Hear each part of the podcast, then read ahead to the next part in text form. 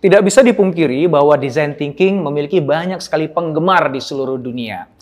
Tapi ya, layaknya sesuatu yang populer, wajar kalau pengkritiknya juga nggak sedikit. Seperti apa ya kritik-kritik terhadap design thinking dan apa yang paling dipersoalkan dari para kritikus tadi? Dan yang lebih penting, seberapa jauh sih sebaiknya kita menanggapi kritik-kritik tersebut?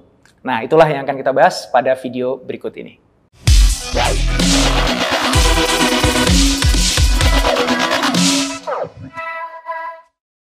Banyak kritik datang dari komunitas desain. Spesifiknya dari para desainer yang nggak setuju bahwa design thinking menggambarkan proses desain yang sebenarnya. Dan yang paling sering mereka persoalkan itu adalah bagaimana kerangka-kerangka tahapan design thinking yang populer saat ini membuat proses desain menurut mereka menjadi terlalu terstruktur, terlalu linear, dan rapih sehingga justru membatasi kreativitas menurut mereka.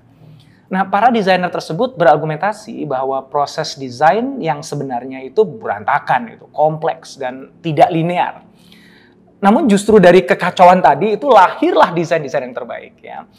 Maka uh, proses desain yang sebenarnya itu nggak bisa direplika ya, uh, hanya dengan membuat tahapan-tahapan tertentu gitu. Nah, mereka juga mengatakan bahwa proses pemecahan masalah yang banyak perusahaan sekarang gunakan itu sebenarnya nggak pantas disebut dengan design thinking karena menurut mereka nggak merefleksikan esensi proses desain yang sebenarnya. Ini kritik yang menarik ya untuk dibahas ya. kritik-kritik ini tuh penekanannya pada proses atau tahapan design thinking yang sering dipakai. Karena yaitu ya prosesnya dibilang terlalu kaku, preskriptif dan seterusnya ya. Namun yang menarik adalah kalau kita merujuk kembali ke pelopor-pelopor design thinking seperti Tim Brown misalnya. Yang mereka tekankan itu sebenarnya bukan tahapannya lah, tapi justru mindset atau pola pikir ala desainernya yang mana mereka percaya itu bisa membantu para pebisnis dan juga organisasi untuk bisa jauh lebih kreatif dan inovatif.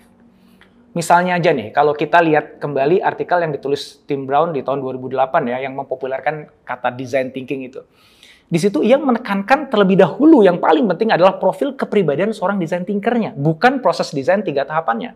Proses tiga tahapan yang ia buat itu sebenarnya untuk tujuannya untuk memberikan apa ya, membantu para non designer supaya bisa membayangkan lah gitu gimana sih seorang desain thinking itu bekerja gitu.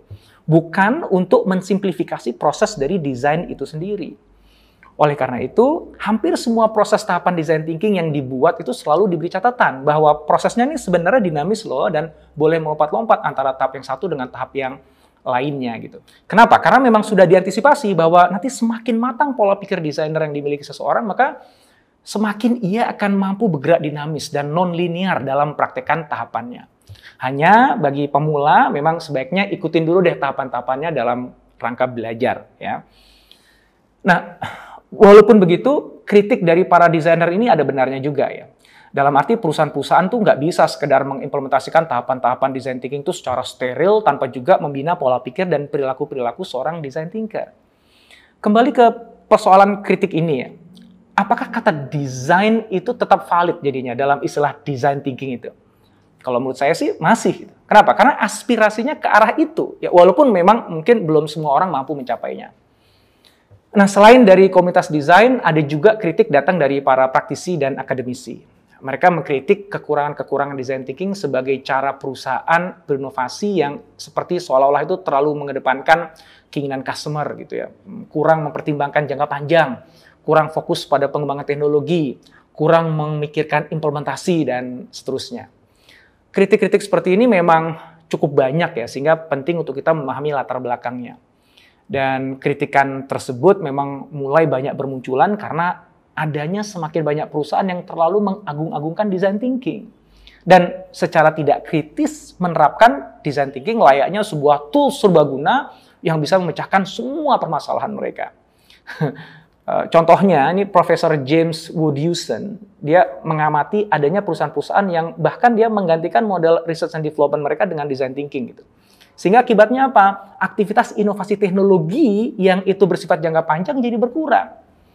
Nah, karena tren-tren seperti inilah kemudian muncul kritik-kritik yang menginginkan perusahaan itu menggunakan design thinking dengan lebih kritis.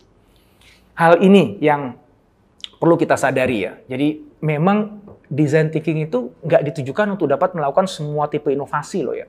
Atau bahkan nggak bisa dipakai berdiri sendiri design thinking itu tetap perlu disinergikan dengan tools inovasi lainnya agar perusahaan bisa optimal dalam berinovasi secara jangka pendek maupun juga secara jangka panjang. Jadi, simpulannya, setelah kita pahami kritik-kritik terkait design thinking itu secara lebih mendalam, saya jadi yakin bahwa kebanyakan masalahnya sebenarnya itu lebih kepada pengguna dari design thinkingnya yang kurang kritis dibandingkan dengan konsep design thinking itu sendiri. Karena itu saran saya dibandingkan Anda berhenti menggunakan design thinking lebih baik Anda atau kita semua nih belajar menggunakannya dengan lebih baik, lebih kritis dan juga mensinergikannya dengan tools inovasi lainnya.